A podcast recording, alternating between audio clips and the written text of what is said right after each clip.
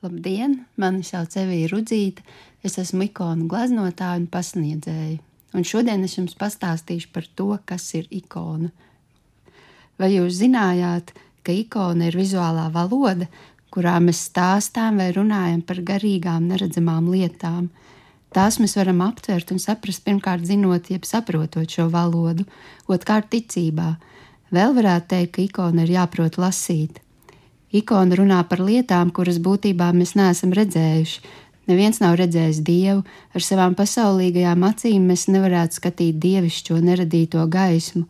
Mēs neesam sastapuši svētos viņa dievišķajā apskaidrotajā stāvoklī, nezinām, kā izskatās svētais gars, kas ir visur un visu piepilda. Tomēr, lai vismaz nedaudz varētu atklāt, parādīt un uzgleznot šo neredzamo garīgo pasauli, Mēs izmantojam visiem zināmus mākslinieciskos līdzekļus un paņēmienus, krāsu, līniju, gaismu un simboliku, bet pielietojam šos līdzekļus tā, lai uzsvērtu un apliecinātu, ka mēs nerunājam par ikdienišķo, pasaulīgo, profāno, bet gan par pārpasaulīgo, mūžīgo un sakrālo. Tāpēc ir šī īpašā ikonas valoda, kas ir veidojusies un pilnveidojusies cauri gadsimtiem kopīgi strādājot, domājot, apcerot un lūdzot par to gan teologiem, gan ikonogrāfiem, gan es arī teiktu himnogrāfiem un liturģisko tekstu autoriem. Šī valoda ir dārgs un svēts baznīcas tradīcijas mantojums. Tā ir arī kanons, zināms likumu, noteikumu, principu kopums, kas jāņem vērā glaznojot ikonas. Un kanons nevis ierobežo vai aizliedz, bet gan palīdz precīzāk izteikties, neiekrist maldos un nesakoncentrēties uz pašas pausmi. Sāksim ar gaismu. Ikonā nav gaismēns, kādu varbūt iedomājamies saistībā ar glezniecību. Ikonā netiek rādīta, piemēram, saules gaisma, kas kaut ko apspīd vai tieši otrādi atstāja ēnā. Ikonā mēs runājam par dievišķo neradīto gaismu. Tā visu piepilda, izgaismo, pārveido, Būtībā viss atrodas šajā gaismā, un svētos sejas ir nevis gaismas apspīdētas, bet tās pašas izstaro gaismu. Telpu ikonā raksturo apgrieztā perspektīva. Glezniecībā izmantojam lineāro perspektīvu, kurā visas horizontālās līnijas saplūst vienā punktā tālu mums priekšā. Ikonas apgrieztajā perspektīvā šis līniju satakpunkts atrodas ticīgā sirdī. Ikona attēlotais it kā atvers un apņem mūs, Piemēram, evaņģēlīja grāmata ikonā tiek rādīta tā, lai redzams ne tikai tās vāgs, bet arī lapojums.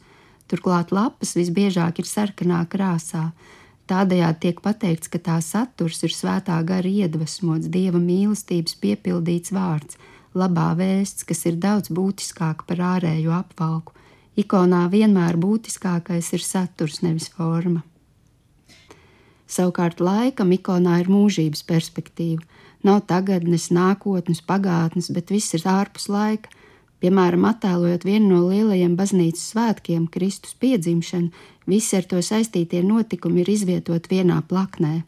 Tur ir gan austrumu gudrie, kuri seko zvaigznei, gan jāzeps savās šaubās, gan gavilējošie eņģeļi debesīs, gan ganiņi, kuriem pirmajiem ir pasludināta prieka vēsts, gan sievas, kas apmazgā jaundzimušo bet ikonas centrā ir baltos autiņos ietītais Kristus bērns uz melnā alas fona, kas asociējas ar gaidāmo Kristus kapu un baltajiem līķautiem, un dievmāte, kas guļ uz pēļa līdzās bērnam, bet ir novērsusies un iegrimus pārdomās par to, ka viņas dēls ir gaidītājs pasaules pestītājs.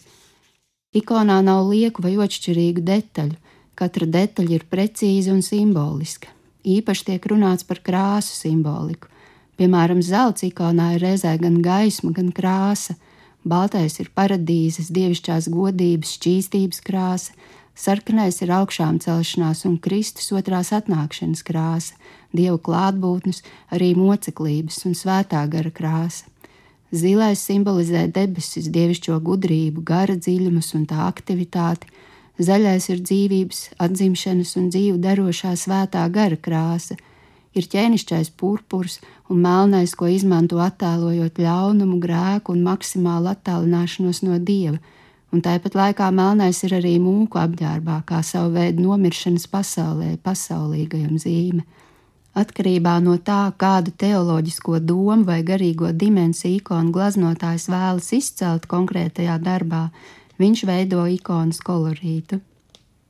Un nobeigumā vēlos teikt, ka jo vairāk mēs zinām par ikonu, jo tā kļūst saprotamāka, un jo plašāku, skaistāku un dziļāku pasauli tā mums paver.